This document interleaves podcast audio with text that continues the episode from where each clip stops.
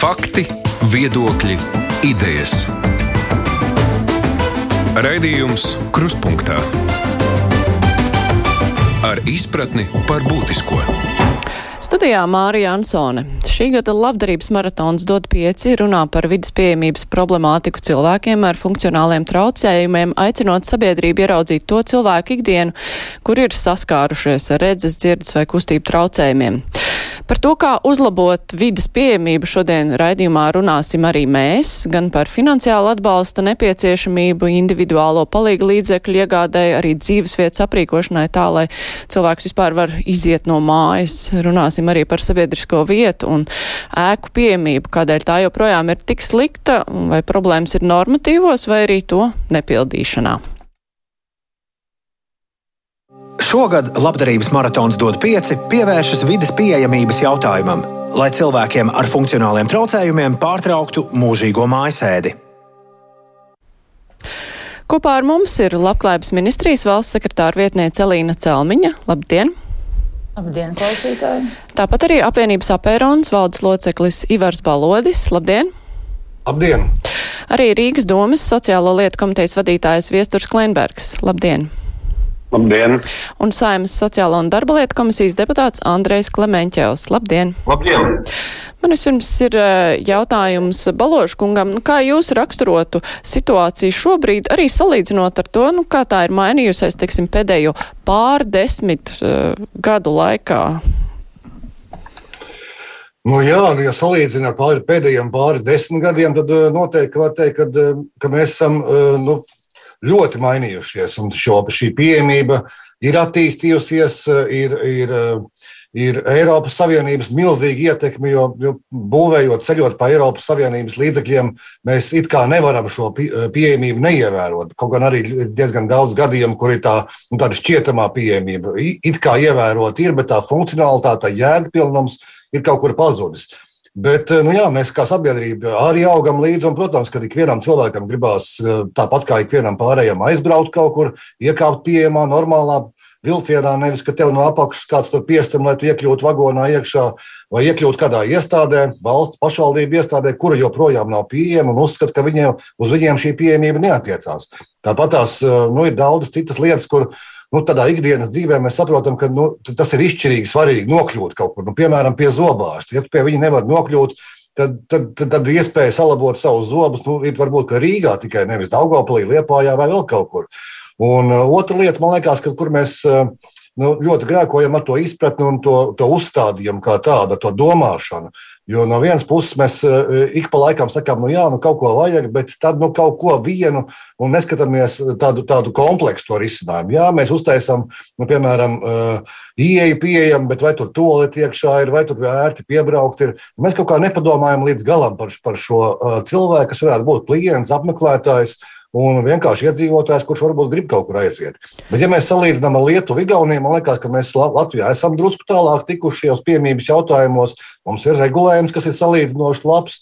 Un mums ļoti iztrūkst droši vien tāda uh, valsts uzstādījuma, sociāli atbildīgas valsts uzstādījuma par to, ka tā pieejamība nav tikai cilvēkiem ar invaliditāti. Tā ir veciem cilvēkiem, jaunajiem, vecākiem, un principā tā ir 85, 90% sabiedrības nepieciešama un vajadzīga.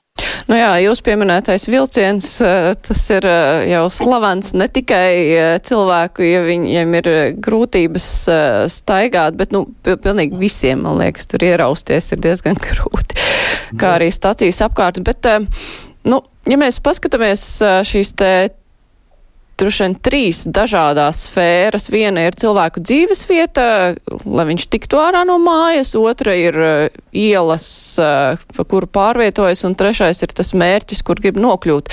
Vai problēmas ir visos šajos posmos, vai arī kur tās ir izteiktākas? Nu, jā, droši vien, tās problēmas vismaz uh, mūsu ap, ap, apvienības apvienības skatījumā visur ir. Jo, te, teiksim, tagad arī ziema iestājusies, un mēs saprotam, ka nu, ir uh, trotuāri, kurus var notīrīt, ir trotuāri, kurus izrādās, ka nevar notīrīt. Mums šodien arī kolēģi nāca uz, uz, uz biroju, un, diemžēl, nu, pusceļā palika, jo kaut kur zināma daļa ir tādiem tādiem ledus gabaliem, ka vienkārši arī divi tā trietā mēs nevarējām īsti palīdzēt šim cilvēkam nokļūt uz biroju. Bet, nu, jā, nu, mums liekas, ka atkal ir jāsāk ar tādiem pašiem pamatu pamatiem un jāsāk ar skolām, ar skolu nu, tādu uh, pārbūvēšanu vai pielāgošanu, jo tās, tās man liekas, ka pašas galvenās lietas, ar ko ir jāsāk. Un man liekas, ka mums Latvijā trūkst tāda, nu, tāda pieejamības uh, redzējuma par to, uh, kas ir jāizdara, ko mēs gribam izdarīt kaut kādā īsā laika posmā, ko mēs gribam lielākā laika posmā izdarīt un kā tā pieejamība tad attīstās. Vai nu tā ir kultūra vēsturiskā vide vai izglītības iestādes, ir kaut kas kaut kur sakārtojies. Nu, piemēram, pakalpoju, sociālo pakalpojumu sniedzēji nevar sniegt pakalpojumus, ja viņiem pieejamība nav nodrošināta. Ārstniecības iestādēm arī it kā ir līdzīgi, bet nu, tur ir visādi izņēmumi un, un, un kādas atkāpes un tam līdzīgas lietas. Un atkal ļoti daudz cilvēku nāk arī pie mums konsultēties un saka, ka jā, mēs esam par pieejamību, bet mums ir īpašs gadījums. Un tad kā mēs varam kā teikt, to pieejamību varbūt neievērot?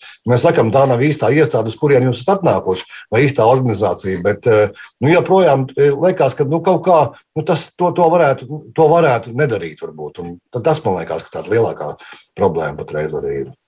Jā, nu mēģināsim sadalīt šo sarunu starp trīs sadaļām. Viena lieta ir šie te individuālie palīga līdzekļi, nu un arī, teiksim, tās lietas, ko nodrošināt, lai cilvēki varētu tikt laukā no savām dzīves vietām. Klenberkungs, pašvaldības, daudzas pašvaldības iesaistās, iesaistās lielām lielākā daļa, droši vien, ka daļēji nevis pilnībā, uh, lai apmaksātu atbalstu. Kā vispār šobrīd tiek sadalīts uh, šis atbalsts, ko sniedz uh, cilvēkiem, kuriem ir nepieciešami šie palīglīdzekļi? Kā tā atbildība dalās starp pašvaldību un valsti? Ko pašvaldība var dot?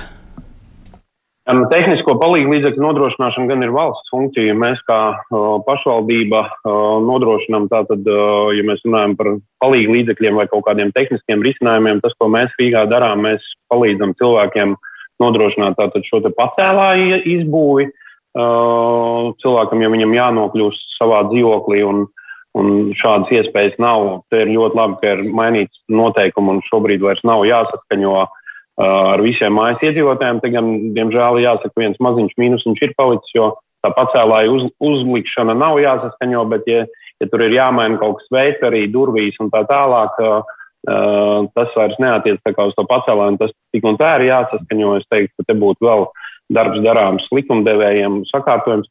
Otra lieta, ko mēs dodam, mēs dodam arī pabalstu mājokļu pielāgošanai. Tas ir, ja cilvēks ir ratiņkrēslā vai arī redzes invalīds, ja šeit ir nepieciešama kaut kāda remonta darba, lai pielāgotu šo vidi mājās, tad mēs uh, arī dodam šādu veidu pabalstu. Bet, tas, bet, šis pabalsts, ko... bet šis pabalsts ir pilnā apmērā vai daļēji, jo, kā šodien arī um, stāstīja kolēģi, nu, cilvēkam, viņam ir nepieciešams šis pacēlājs, viņam iedod pusi naudas, un tie ir vairāki tūkstoši, un otra puse ir jādabū pašam. Un eh, tā kā šie cilvēki bieži vien ir tādi, kuriem jau tā ir grūta ar iztikšanu, vai arī viņš pats nevar strādāt, vai arī viņam arī tuvinieki bieži vien nevar strādāt pilnvērtīgi. Nu, tad tas beigās arī paliek pašvaldības budžetā, jo cilvēks vienkārši nevar ar līdzmaksājumu piedalīties. Jā, nu šajā situācijā ir tā, ka es teiktu, ka pacēlājiem vajadzētu tomēr pietikt ar tiem līdzekļiem, jo mēs esam paredzējuši, ka mums vidējais vien pat, līdz vienam pacēlājiem varam tērēt līdz 5950 eiro, un šī summa pakāpeniski visu laiku palielinās, ņemot vērā izmaksu pieaugumu. Un, nu, jābūt tā, ka tomēr, ja mēs lietojam publiskus līdzekļus, tad ir jābūt nu, kaut kādiem griestiem, jo citādāk mēs varētu, nu, teiksim, cilvēks pretendēt, lai viņam uzliek, piemēram, pacēlāju līdz septītajam stāvam, kas būtu vienkārši nu, kosmosa cena. Tāpēc nu, tie ierobežojumi kaut kādi ir. Un, un, un, un mājokļu pielāgošana arī mums ir tātad pabalsta apmērs ir līdz 4000 eiro. Un par, nu, par tādu summu jau var, nu, es teiktu, tā daļu savas mājas pielāgot. Uh, Bet tas, ko es gribu piebilst, varbūt ir tas, ko, ko arī Ivars šeit iezīmēja. Mēs uh, jau arī šī gada pavasarī Rīgas domē organizējām tādu diskusiju kopā ar nevalstiskajām organizācijām, kur runājām tieši par pieejamību. Bet mēs diskusijas rezultātā un arī pirms tam jau diskutējot, runājam par to, ka mēs ļoti koncentrējamies uz vidas pieejamību. Bet ja, pieejamības jautājums ir stipri plašāks. Un tas jautājums ir gan informācijas pieejamība, gan vidas pieejamība, gan pakalpojumu pieejamība. Un, uh, tāpēc mēs arī šobrīd, arī mums ir nākamā gada budžeta plānā, mums ir plānots arī veikt šādu pētījumu par to, kas tad īsti ir tas, kas mums traucē dažādās šajās jomās šo pieejamību nodrošināt. Uh, un mums ir plāns arī izstrādāt tādu pieejamības stratēģiju, balstoties šajā pētījumā, lai mēs varētu arī visus šīs te, nu, virzienus savienot un, un, un, un, un panākt kaut kādu rezultātu tādu, lai būtu šī vīzija, redzējums, kā šos jautājumus pakāpeniski sakārtot. Um, jautājums Baloškungam vēl par iepriekš runāto. Mēs dzirdējām, nu, ka Rīgā tā situācija varbūt arī nav tik slikta, ir pakalpojumam griesti, um, ja mēs runājam par kaut kādu pacēlā ierīkošanu, lai cilvēks var tikt ārā no dzīvokļa. Bet, um, nu, praksē ar kādām grūtībām saskars cilvēki, kuriem tas ir nepieciešams? Vai viss ir atkarīgs no veiksmes, kurā pašvaldībā viņš dzīvo? Vai nu, vai pie šī atbalsta ir tik viegli tikt, ka klausītājs arī vaicā, piemēram, Rīgā, cik tad ir ierīkot tādu pacēlāju, respektīvi, vai iespēja ir, bet vai cilvēki to var izmantot? Nu jā, nu Rīga, Rīga, tā ir liela priekšrocība, ka dzīvo Rīga, Rīgas pilsētā. Un, nu, tiešām tas pakalpojums ir diezgan sen jau, un, un, un Varbūt tā informācija ne līdz galam, līdz visiem cilvēkiem ir aizgājuša. Un tad vēl ir tā, ka ir dažādi gadījumi, kurus eh, nu, kuri, eh, nu, īsti neie, neiekļaujos tajā sistēmā. Nu, piemēram, ja tu cel jaunu māju, vai nu, atjaun, jaunu māju, kur vēl nav noteikta, nu, tad tev atkal šo, to, šo atbalstu saņemt nevar. Vismaz tā mums cilvēki ziņo. Bet, eh, jā, bet, eh, bet eh, arī šīs akcijas ietvaros, man liekas, ka dod pieci ietvaros. Daugopils ir palielinājusi izmaksas šo pacēlā iegādāšanā, lai, lai varētu uzstādīt šos pacēlājus vai pielāgotu ieeju pie mājām. Bet, principā, Latvijā Rīga, Liepāja, Daugopils, vēl kaut kur varbūt tās kādā pilsētā ir, bet tā ir nu, tāda pašvaldības brīva iniciatīva, vai, viņi atbalsta, vai viņi neatbalsta. Un tad iet un karot ar pašvaldību, lai viņi tev palīdzētu. Um, nodrošināt šo pieejamību savā dzīvoklī ir ārkārtīgi, ļoti, ārkārtīgi garš ceļš, kas ir ejams. Un, un parasti jau nu, pašvaldības atrunājas ar to, ka nav naudas, nav finansējuma. Un, un tad, tad iznāk tā, ka cilvēks pats paliek ar savu, ar savu nelaimi, ar savu izvēli, kad dzīvot nepieejamā vidē. Droši vien, ka tie risinājumi varētu būt daudz un dažādi. Varētu pašvaldība piedāvāt, varbūt, mainīt dzīvokli, palīdzēt samainīt piedāvāt uh, sociālu dzīvokli, varbūt tās, ja tas ir vajadzīgs vai nepieciešams, ir jāizvērtē katra situācija individuāli, protams, un, un pašvaldībai vajadzētu būt daudz pretimnākošākai šo gadījumu risināšanā. Jo tā ir izkļūšana no mājas, tā ir pamattiesība cilvēkam, pamatbrīvība kā tāda. Klementēv kungs, jūsu skatījumā vai ir nu, pašvaldībām jāuzliek par pienākumu nodrošināt nu, kaut kādu standartu, kā atbalstīt šādās situācijās cilvēkus? Nu, vai arī, ja pašvaldībai nav tam līdzekļu, nu, lai tad valsts kaut kā iesaistās. Jo, nu, lai nav tā, ka cilvēka sociālais atbalsts ir atkarīgs no veiksmes, kurā pašvaldībā viņš dzīvo. Jā, labdien! Ivar nedos man samelot, ka, ja mēs salīdzināsim situāciju, kas bija desmit gadu atpakaļ un šodien, tas ceļš, kurš mēs izgājām kopā parlamentu komisijā ar, ar sociālajiem partneriem, tas ir garš un panākumi mums ir. Es atceros, ka viena no iniciatīvām bija noņemt to tabū tiesības mājas iedzīvotājiem uz tādiem iniciatīvām. Mēs tikko izlabojam likumu, ka mājas vairākums nevar bloķēt, vai mazākums e, dažādos gadījumos bija bloķēt e, tiesības e, cilvēkiem ar invaliditāti, dabūt to pacelēju vai organizēt speciālam transportam, invalidu transportam stāvvietu pie mājas. Tas bija iziets, un, un mēs grozījām likumus, un problēma, problēmas nebija. Es atceros, kad mēs vēl cīnījāmies par naudu, lai piešķirtu paliek līdzekļiem tādu iespaidīgu un gribi, negribi, bet vienalga valdība katru gadu piešķir vairāk un vairāk līdzekļu uz šiem pasākumiem. Ja mums vēl divus gadus atpakaļ skūters invalīdam tas bija kosmos, šodien nu, es pateikšu, ka nu, jā, vajadzēs pastāvēt rindā, varbūt arī ne tik bieži mainīt akumulātoru, bet dabūt to iekārtu var.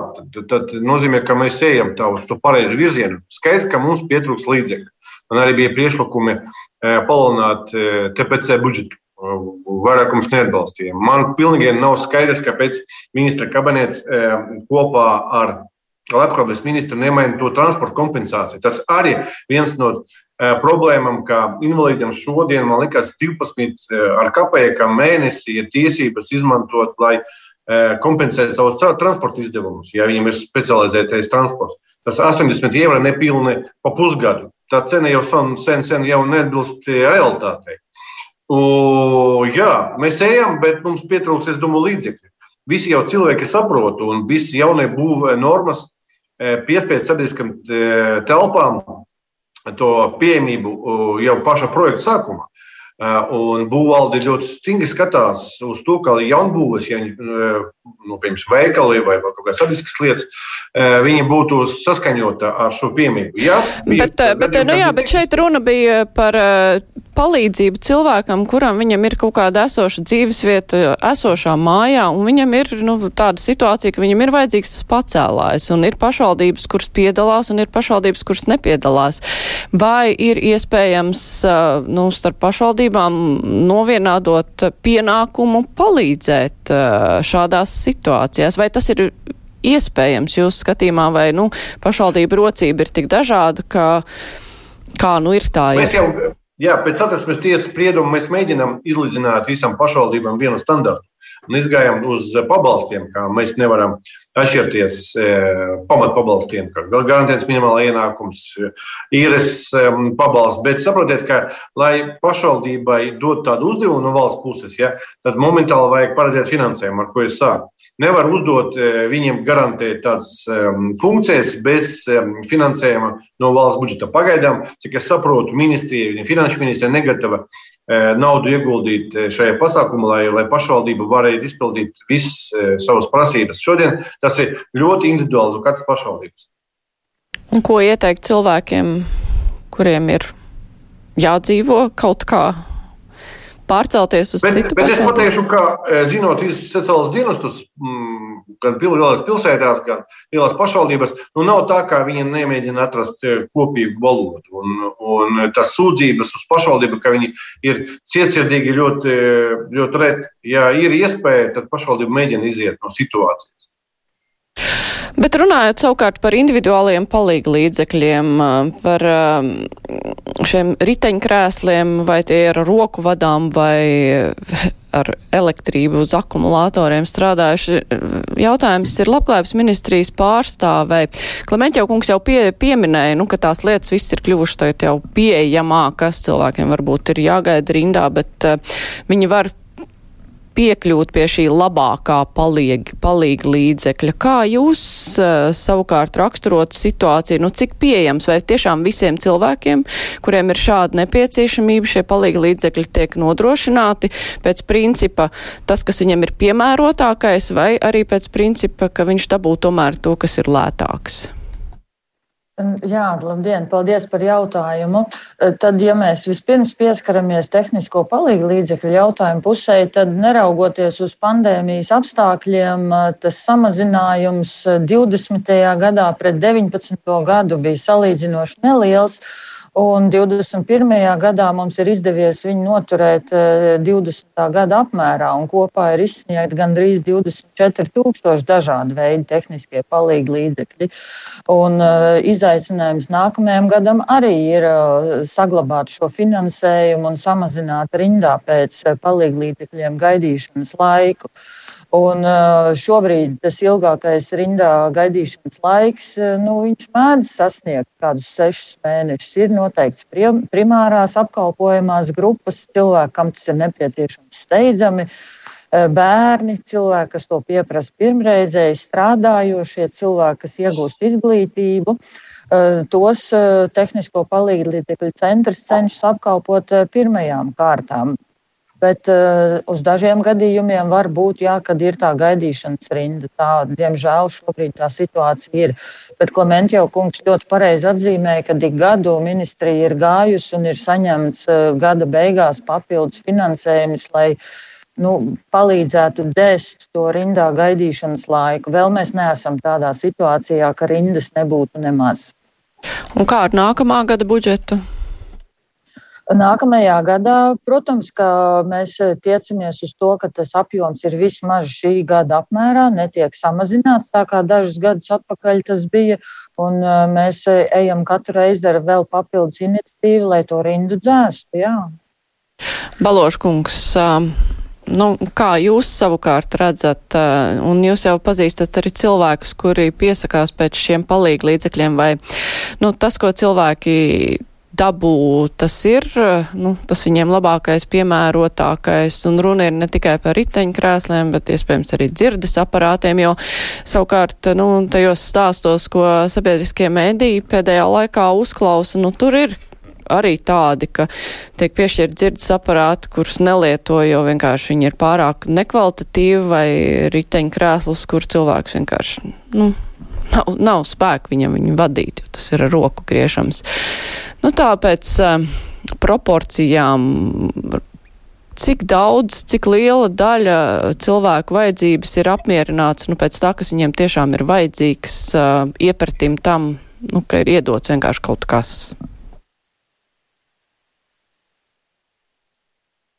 Jā, un atkal tāds interesants jautājums ir, jo, jo palīdzekļi tiešām tā ir tāda valsts, valsts atbildība un diezgan daudz, ļoti daudz naudas. Un man liekas, ka arī šajā gadā Labklājības ministrija vēl papildus vairākus miljonus eiro ir iedalījusi, lai varētu šos eh, rindas mazināt. Bet eh, tas paradoks ir tāds, ka mēs it kā sistēma ir, it kā arī ratiņkrājas labi, ir labas specifikācijas, bet tas cilvēks, kā viņš šo lietu saņem, ir ārkārtīgi kaut kā. Nu, Vai, vai tie gadījumi tādi ir, ir kad, piemēram, lai tu dabūtu rokturi, ko pielikt pie, pie uh, dušas, lai tu nu, varētu pieturēties. Nu, mums ir trīs gadījumi patreiz, kur ir jāgaida pusgadu rindā. Pēc tāda roktura viņš maksā nu, 10 eiro droši vien, tu ieej depo un viņi var nopirkt, bet valsts ir paredzējusi, un tad, tad, tad tev viņš ir vienkārši jāgaida. Varbūt Covid laiks kaut kādā veidā ietekmē vai vēl kaut kas. Un man liekas, ka mēs arī e, nu, kaut kā pareizi neizvērtējam tos, tās lietas, kas tad īsti cilvēkam vajadzīgs ir. Jo ļoti daudz ir arī gadījumi tādi, kur tev iedod to vienu lietu, e, nu, nezinu, ratiņkrēslu, un tur ir dažādas tās specifikācijas, ir X-veida rāmis un taisnais rāmis un vēl kaut kas. Un tad eh, cilvēks pamēģina, pamēģina, un tad nu, viņš saka, jā, nu, tas man neder. Un, un tad tās, tā miela paliek tāda, ka nu, jau tas centrs ir, bet rekā es neko dabūt nevaru. Tā izvērtēšana nav varbūt tās, tāda pašvaldībā uz vietas, kur tu dzīvo, lai saprastu, vai tu tiešām tos ratiņkrēslu brauksi pa mežu, vai, vai, vai kādas tās ielas apkārt ir, vai tev to ratiņkrēslu tajā dzīvoklī maz kur nolikt. Ir. Un, un, un, ja mēs tā neiedziļināmies tajā tā cilvēka dzīvē, tajā situācijā, Nu, mēs varam piedāvāt to, kas ir, arī labu mantu, bet, ja tev viņa nav e, piederīga, tu viņu nevar izmantot, tad, tad tev, tev viņa nepalīdz nekādā veidā.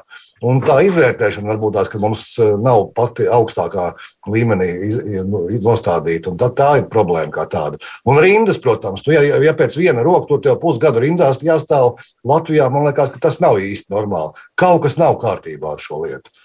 Celmiņas kundze, kā jums šķiet, vai nu, šī individuālo gadījumu izvērtēšana nav pārāk formalizēta, vai tur nevajadzētu pilnveidot nu, to, kā katrs, katra cilvēka situācija tiek skatīta?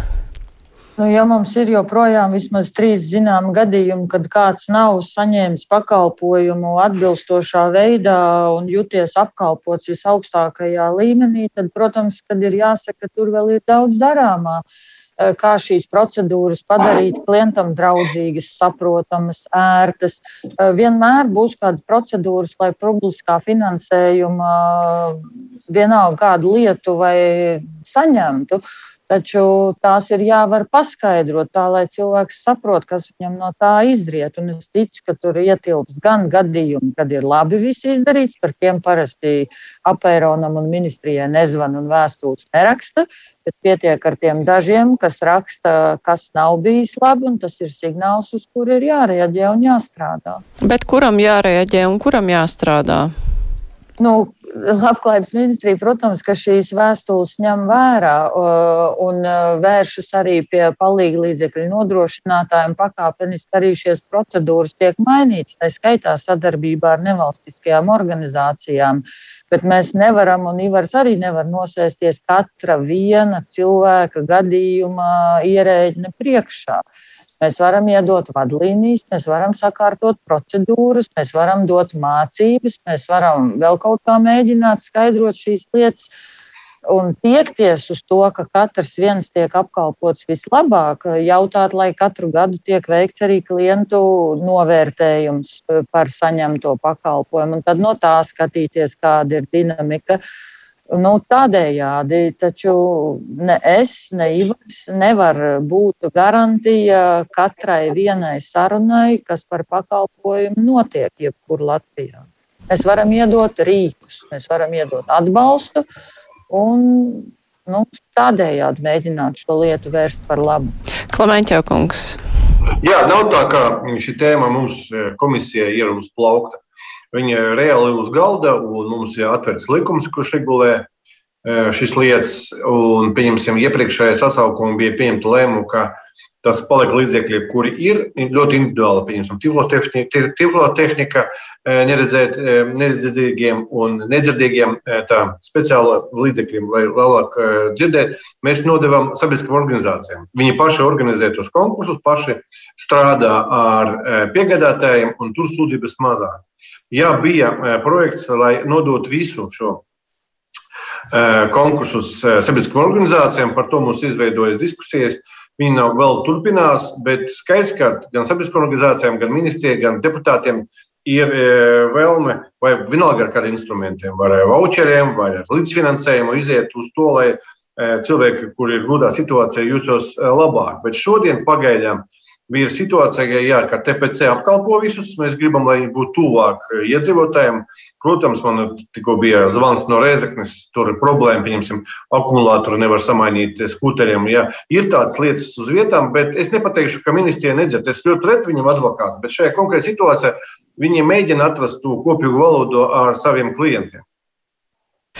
Paloškungs, tā sadarbība uzlabojas un, nu, teiksim, tā pieminētā formalizētā attieksme kļūst tomēr ar laiku mazāk formāla, vai tomēr nu, tas process ir iestidzis tajās pašās problēmās, kas bija, piemēram, pirms kaut kādiem pieciem, desmit gadiem?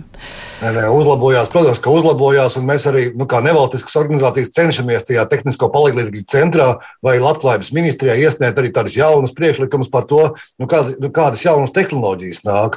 Un pirms kāda gada mēs arī tādu revīziju uztaisījām tajā palīdzību centrā un sapratām, ka tur teiksim, tādas datorprogrammas, kuras arī varēja dabūt, kas palīdz runāt bērniem ar intelektuālās attīstības traucējumiem vai sazināties. Tās bija morāli novecojušas, un tad mēs mēģinājām ieteikt tās jaunās.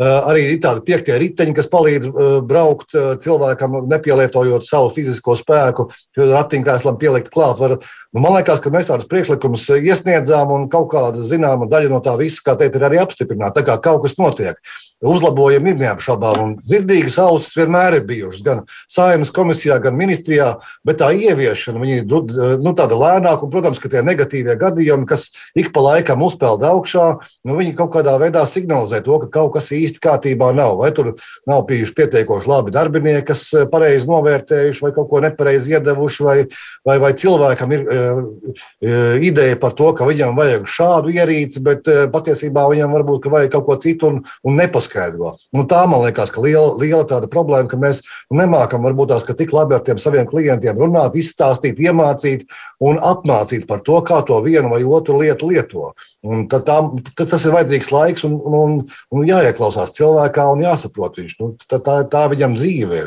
Un to, to ratiņkrēslu saudz. Un, un tas kroktošs tev vannas istabā ir vajadzīgs nevis tāpēc, ka to var dabūt bez maksas eh, tehnisko palīdzību centrā, bet tāpēc, ka tu savādāk vienkārši nevari fiziski nomazgāties.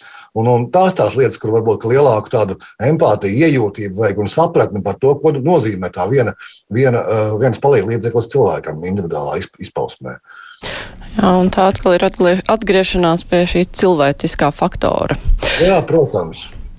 Jā, es atgādināšu klausītājiem un Latvijas televīzijas skatītājiem, ka šodien kopā ar mums ir Elīna Celmiņa no Labklājības ministrijas, Ivars Balodis no apvienības apēronas, Viesturs Klenbergs no Rīgas domas un Andrejs Klemenķevs no Saimas sociālo un darba lietu komisijas. Mēs tūlīt turpināsim.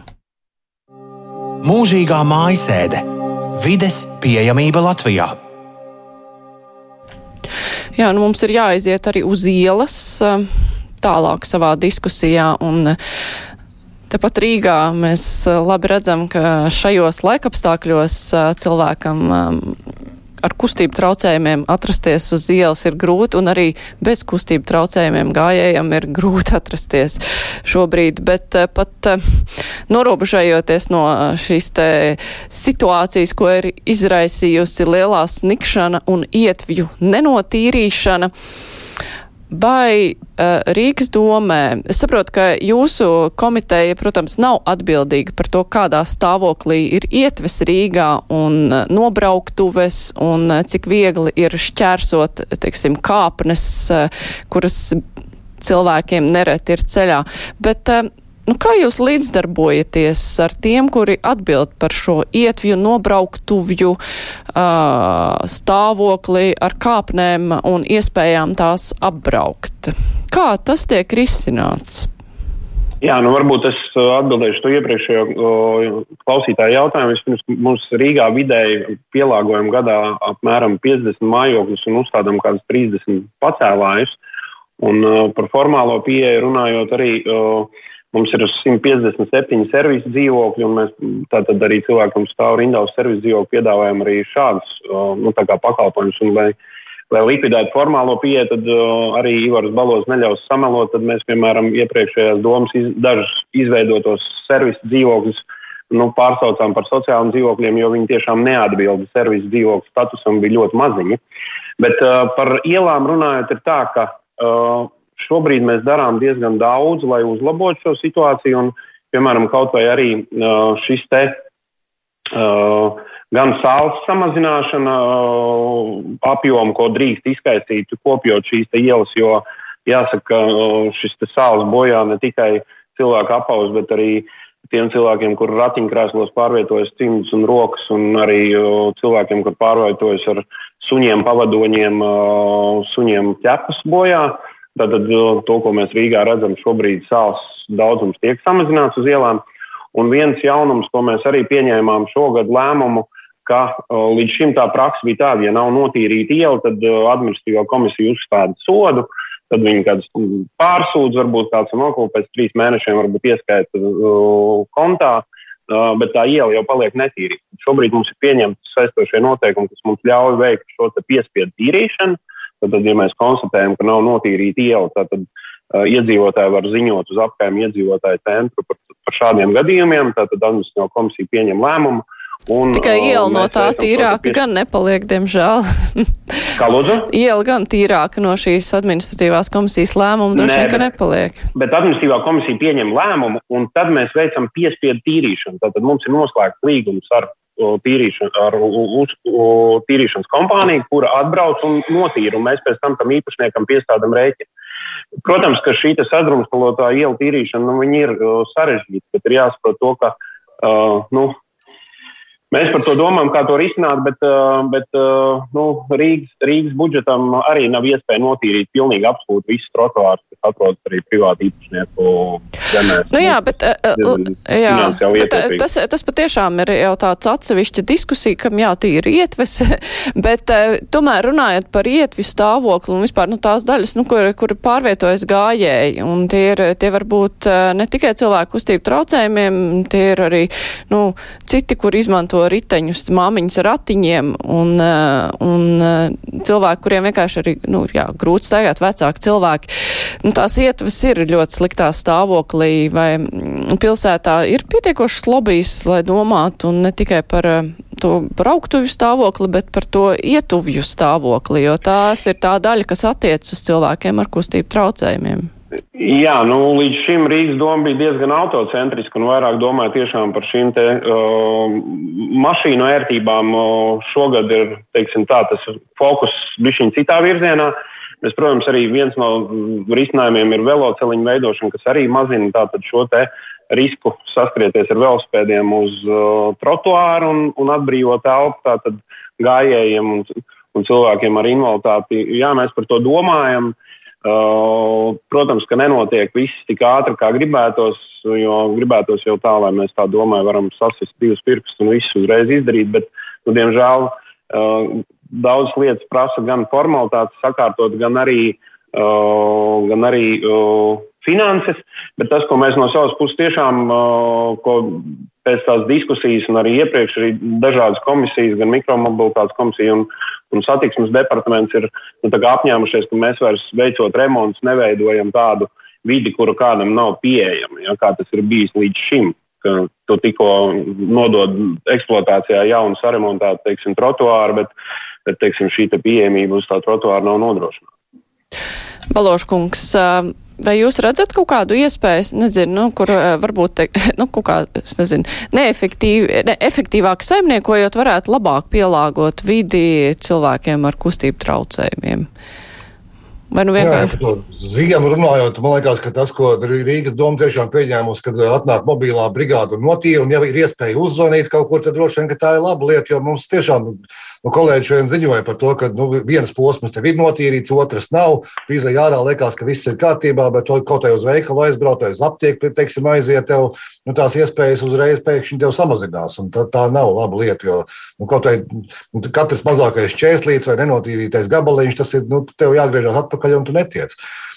Kā, kā, kā, kā labāk to visu darīt, man ļoti grūti pateikt, jo man liekas, ka arī tā ir tāda pašvaldības pienākums palīdzēt saviem cilvēkiem ja mēs skatāmies no tāda pieejamības viedokļa, kā to vajadzētu uzlabot, varbūt tās, un tad meklēt tos labākos risinājumus. Bet ir jābūt tai no apziņai, kāpēc tas jāmaina. Mums arī dod pieci sakarā, mums maratona sakarā mums prasīja, kas ir, kas ir vajadzīgs un kas ir nepieciešams. Vai tā ir nauda vai vēl kaut kas, lai to pieejamību nodrošinātu. Un, un uh, tas, ko mēs secinājām, droši vien tā ir tā apziņa, tā ir tā domāšanas maiņa, kā, nu, kā mēs to visu organizējam, kāpēc mēs to visu taisām, kam tas viss ir vajadzīgs. Un ja mēs uh, nu, uztaisīt vienu labu, kvalitatīvu kaut ko, tad, tad, tas, tad tas būtu daudz labāk. Un, un, un it kā mēs arī, arī esam daudz runājuši, nu, piemēram, Rail Baltica sakarā. Mēs tādā Rail Baltica ļoti lielus ierobežojumus satiksmē, arī trotuāru, kā teikt, tiek slēgti kaut kur. Bet tā informācija par to, ka pēc, piet, vai pēc simts metriem tas trotuārs izbeigsies un, un, un tev jau saulēcīgi kaut kur jāpāriet pāri, nu, tādas informācijas nav. Un cilvēks dodas pa trotuāru kā ierasts, un pēkšņi tev pēc simts metriem ir, ir viss, un tev jāgriežas atpakaļ, un tev nav iespēja arī pāriet ielu, un, piemēram, Lāčplēša ielu. Un tādi gadījumi, kur mēs kā Nu, kā ir runa, skaļi sakām, ka jā, un to nevar noteikt ar normatīvu. Tu nevari pateikt par katru konkrēto gadījumu, pateikt, ka nu, lūkšu normatīvas trotuāru, eh, būvdaru, trotuāru iekārtošanai vai paziņošanai būvdaru gadījumā būtu jābūt tādam un tādam standartam. Un ir jābūt tai apziņai par to, ka, ja tu kaut ko pārveido, pārtais, uzlabo kaut ko, tad tas ir vajadzīgs tā, lai tas cilvēks varētu to izmantot. Un tā man liekas, ka ir tā būtiskākā lieta, kur mēs eh, nu, sabiedrībā varbūt neesam izauguši kaut kur. Mums liekas, ka rekur uzbraukt to ir, viņi ir par stāvu vai viņi ir, viņi ir normāli, tur tādas īstas skaidrības nevienam nav, gan jau būs labi. Nu, ko tad invalīdam no vienas puses vajag? Arī tādu attieksmi esam dzirdējuši. Vai, piemēram, ir pie, pie ārstniecības iestādes nu, ir, ir, ir uh, invalīdu, invalīdu stāvvieta. Tad, ja mēs tās stāvvietas eh, pārbaudām un skatāmies, tad tur ir sniega kaudzes, jo tā ir visērtākā vieta, kur novietot sniegu. Nu, nevar pieņemt likumu vai, vai Rīgas domas noteikumus par to, ka invalīdu stāvvietās sniegu nedrīkst kaut vai uz brīdi likt, jo tā ir teikt, izšķirīgi svarīgi cilvēkam, kurš brauc uz veikalu. Jo, ja tu izmantos citu stāvvietu, tev piebrauks blakus, tu netiksi savā mašīnā, atkal ir vesela kaudze problēmām. Uh, ļoti daudzās vietās es zinu, ka uh, Eiropas Savienībā ir arī Ziemeļvalstīs, ir piemēram, ja tu tīri, tīri ielu, tad invalīdu stāvvietas vai, vai ēkas, kurās dzīvo cilvēki ar invaliditāti, notīra pirmām kārtām. Un tie tie nerakstītie likumi, kādā veidā mēs kā sabiedrība attiecamies pret, pret to problemātiku kā tādu. Bet, ja mums liekas, ka viss ir nu, gan jau kaut kā, un būs jau labi, un reku, mēs tikai pagaidām šeit tos sniegu, tad invalīdu stāvvietā nu, ielikām, un pēc nedēļas mēs viņu novāksim, un viss būs kārtībā. Nu, tas nav regulējums ar likumiem. Tā ir ar tādu cilvēcību saistīta lieta. Atkal, man liekas, grūti pateikt. Mums klausītāja raksta, ka mēs esam aizmirsuši tādus cilvēkus kā neredzīgos un nedzirdīgos, jo Rīgas doma varēja savā pašvaldībā nodrošināt, ka pie katra krustojuma ir pīkstuļi un normāls laiks ielas šķērsošanai, kāpēc nesadarbojas ar CSDD un valsts ceļiem, jo nav izpratnes. Jo tās abas eh, problēmas ir, jā, viena lieta ir tas skaņas signāls un, nu, krustojums jau tā kā cenšas aprīkot strādājot ar nu, tiem ķieģelīšiem, lai varētu saprast, kā ir jāiet, bet nu, arī šis laiks, kā cilvēkam ir jāšķērso braukt, un tas ir briesmīgi, un ir Rīgā ir stipri grēkots ar to. Kleinberkungs, jūs tur kaut ko varat ietekmēt, jūs runājat ar kolēģiem, kas atbild par tām braucamajām daļām? Jā, nu, te ir jāsaka tā, ka jāpiekrīt par to, ka luksusforu sistēma Rīgā vispār ir morāli un fiziski novecojusi un nav atjaunot ļoti, ļoti ilgi. Šeit ir vajadzīgi uzlabojumi gan, gan ar šiem skaņas signāliem, gan ar viedajiem luksusforiem, ar kur palīdzību varētu mazināt arī sastrēgumus, sastrēgumus stundās.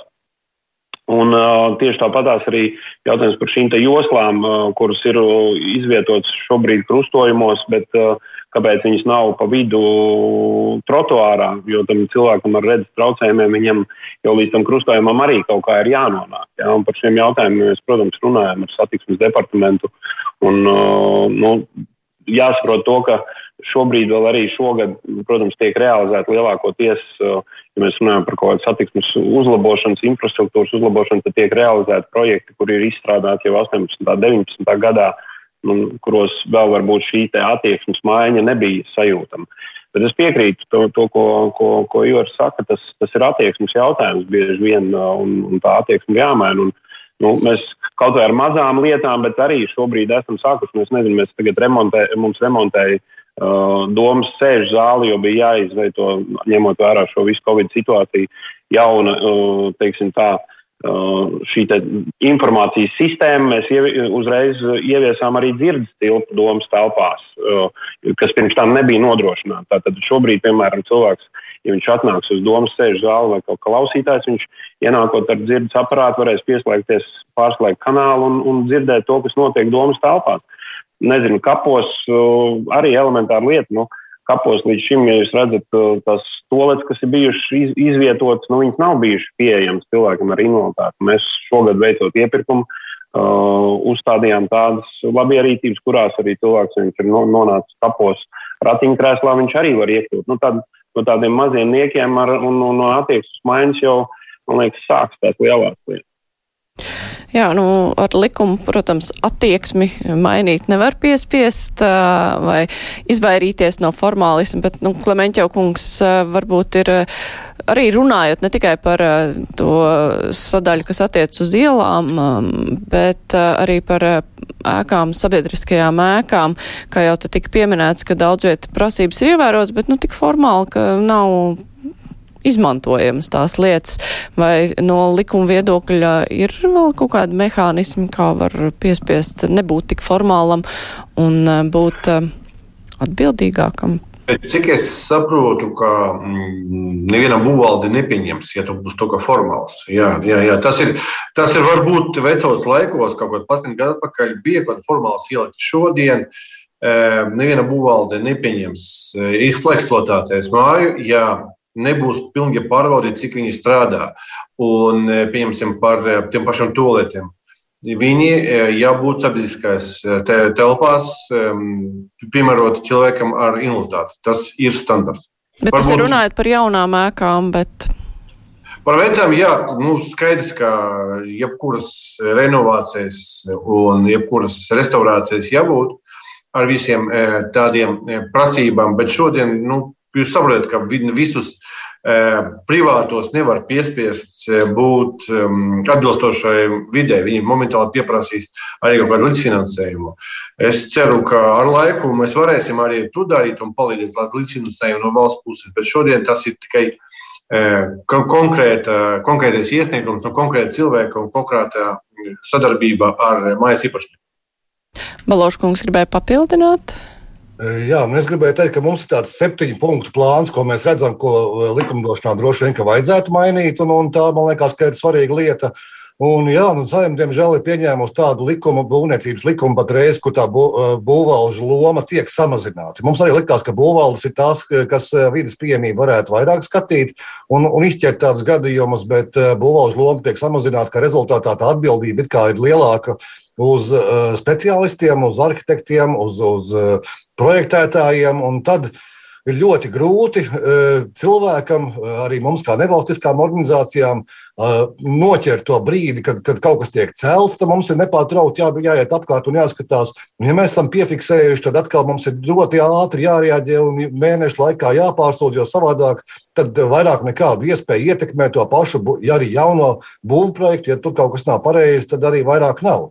Tā kā nu, tā, tā, tā ķēdīte tāda diezgan uh, It kā pareizi varbūt tās no būvniecības viedokļa, bet no vidas pieejamības viedokļa mums liekas, ka tur nu, mēs situāciju nedaudz pasliktinām ar šo jauno, jauno regulējumu būvniecību. Jā, bet tas ir uzdevums arī tas, kas projektē šo māju. Un es domāju, ka viņi nepieņems tālāk eksploatācija, ja nebūs ievērot visi cilvēku tiesības. Un, es to saku papildinās, bet Rīgas doma, pieņemsim, ne, ne, nepieļaus tādas iespējas, ja pieņemsim jauns veikals vai kaut kādu citu sabiedrisku vietu pieņems bez, bez kaut kādiem speciāliem eh, tūlētiem, piebrauktiem liftiem un tā tālāk.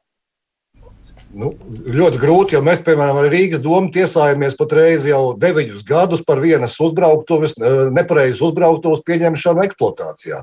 Mēs deviņus gadus tiesājamies. Mēs esam izgājuši visu cauri procesu, bet nu, ļoti grūti sarežģīt, protams, tas ir. Bet, nu, jā, un individuāli cilvēkam iestāties par savām tiesībām šajā gadījumā ir ārkārtīgi sarežģīti, jo tas process ir diezgan apgrūtinošs arī no pieejamības viedokļa, no tiesas pieejamības viedokļa. Protams. Kleinbergs, kā tad tagad ir, vai Rīga vēl pieņemt eksploatācijā kaut ko tādu, kas neatbilstu tām prasībām, kas ir vajadzīgas cilvēkiem ar īpašām vajadzībām? Skaidrs, ka jaunus būvētos objektos noteikti nē, nepieņems. Bet, uh, tā tā deviņu gadu tajā... tiesāšanās vairāk nebūtu nākotnē iespējama. Es ļoti ceru, ka, ka nē, un es, diemžēl, nezināju par šo tiesu procesu painteresēšos, kas tad no mūsu puses ir tas galvenais iebildums. Bet, bet, uh, Tā problēma ir tajā, ka, uh, un, un te es gan saredzu gan valsts, gan pašvaldības iespēju līdzdarboties, ka tad, kad kāda kafejnīca, kur jau taisa esošās telpās ir jānodod, tad uh, šeit ir tāda tā pieeja, kur, kur uh, atsevišķos gadījumos tomēr pieņem šos objektus, jo izvērtē tā kā tas ieguldījums, vai viņi nebeidz, teiksim, kapitālos remonts, vai arī tas ieguldījums ir nead, nu, neadekvāts. Nu, teiksim tā, it kā tam labumam, ja, un nāk arī nevalstiskās organizācijas un sniedz šos atzinumus, bet Uh, es domāju, ka būtu labi, ja būtu šāda grāmatu programma, kurā, piemēram, uzņēmējs, kurš grib savu kafejnīcu vai, vai, vai uh, veikalu un tā tālāk pielāgot, ka viņi varētu pretendēt uz kaut kādu valsts uh, vai pašvaldību līdzfinansējumu, uh, kas, kas arī nu, palielinātu šo ieinteresētību un, un, un, un nu, attiecīgi arī iespējas arī šiem uzņēmējiem to vidi pielāgot.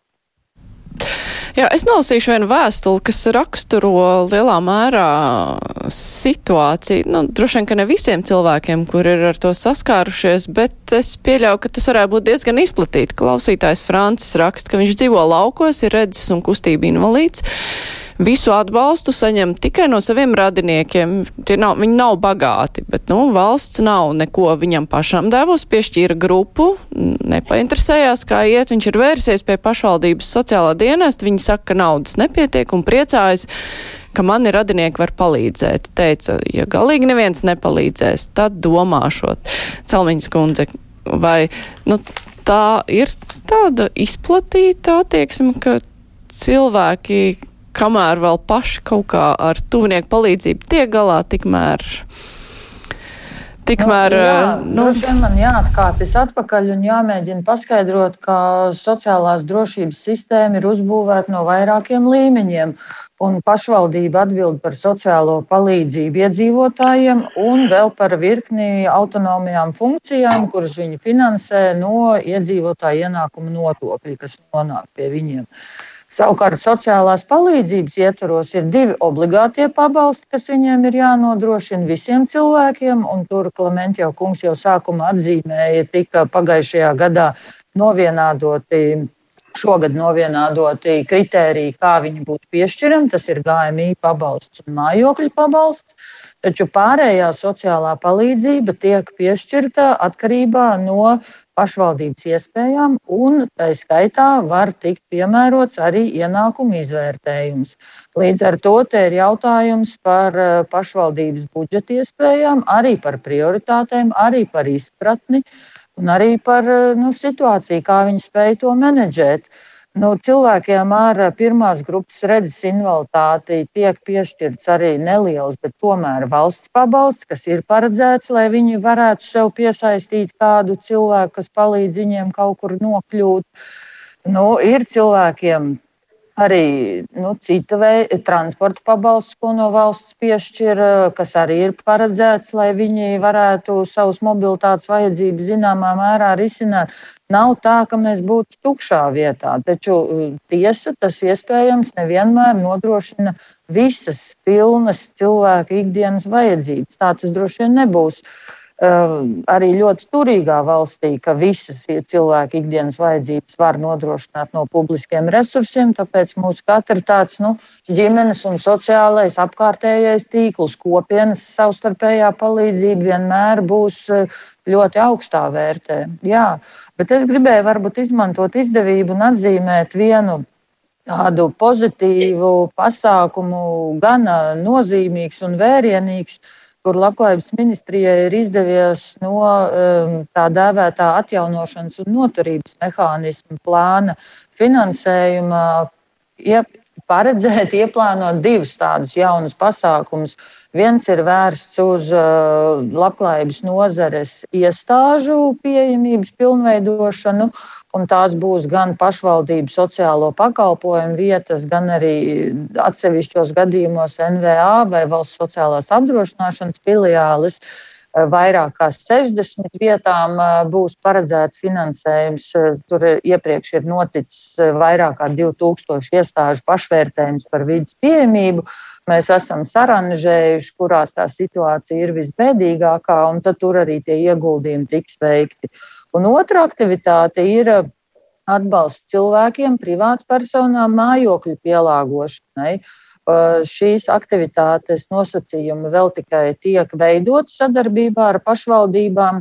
Uh, gan sarežģīts mehānisms mums ir jāizdomā, jo mājokļi var būt īpašumā īrēti uz ilgāku laiku. Uh, Eh, varbūt iekšpusē nepieciešami pielāgojumi vai ārpusē. Tie var būt uzstādāmi, tie var būt būvējami, mobīli. Cilvēki var mainīt dzīves vietas, dažkārt cilvēks arī mēdz nomirt. Tās visas ir situācijas, kas tajā regulējumā pret Eiropas Savienību mums ir ļoti smalki jāatrunā. Taču mēs esam iecerējuši, ka kopumā aptuveni 250, 260 privātpersonām personām ir paredzēts finansējums eh, viņas mājokļu pielāgošanai. Vienam cilvēkam paredzot ieguldījumus eh, ne vairāk kā 10 tūkstoši eiro apmērā.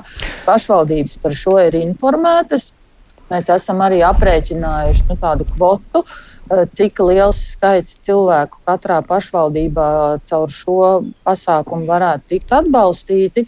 Un tas darbs ir tādā sākuma posmā, bet pašvaldības savus cilvēkus tad uzrunās. Jo viņas zina tos cilvēkus, kas stāv rindā, viņas aptuveni orientējas, kur ir tie cilvēki, kuriem šāds atbalsts varētu būt vajadzīgs. Nu, katrā ziņā jā, tas uh, vieš cerības uz to, ka cilvēki saņem sev papildus atbalstu, uh, bet mūsu raidījumam atvēlētais laiks ar uh, šo pozitīvo noti arī ir noslēdzies. Man ir jāsaka paldies. Šodien kopā ar mums bija Elīna Celmiņa no Labklājības ministrijas, Ivars Balods no apvienības apēronas, Viesturs Klembergs no Rīgas domas un Andrejs Klementjevs no Saimas sociālo un darba lietu komisijas. Paldies, ka varējāt piedalīties un būt kopā ar mums šai stundā. Bet raidījums ar to arī izskan. Raidījuma producente ir Evi Junām un savukārt studijā bija Mārija Ansona Vislapa.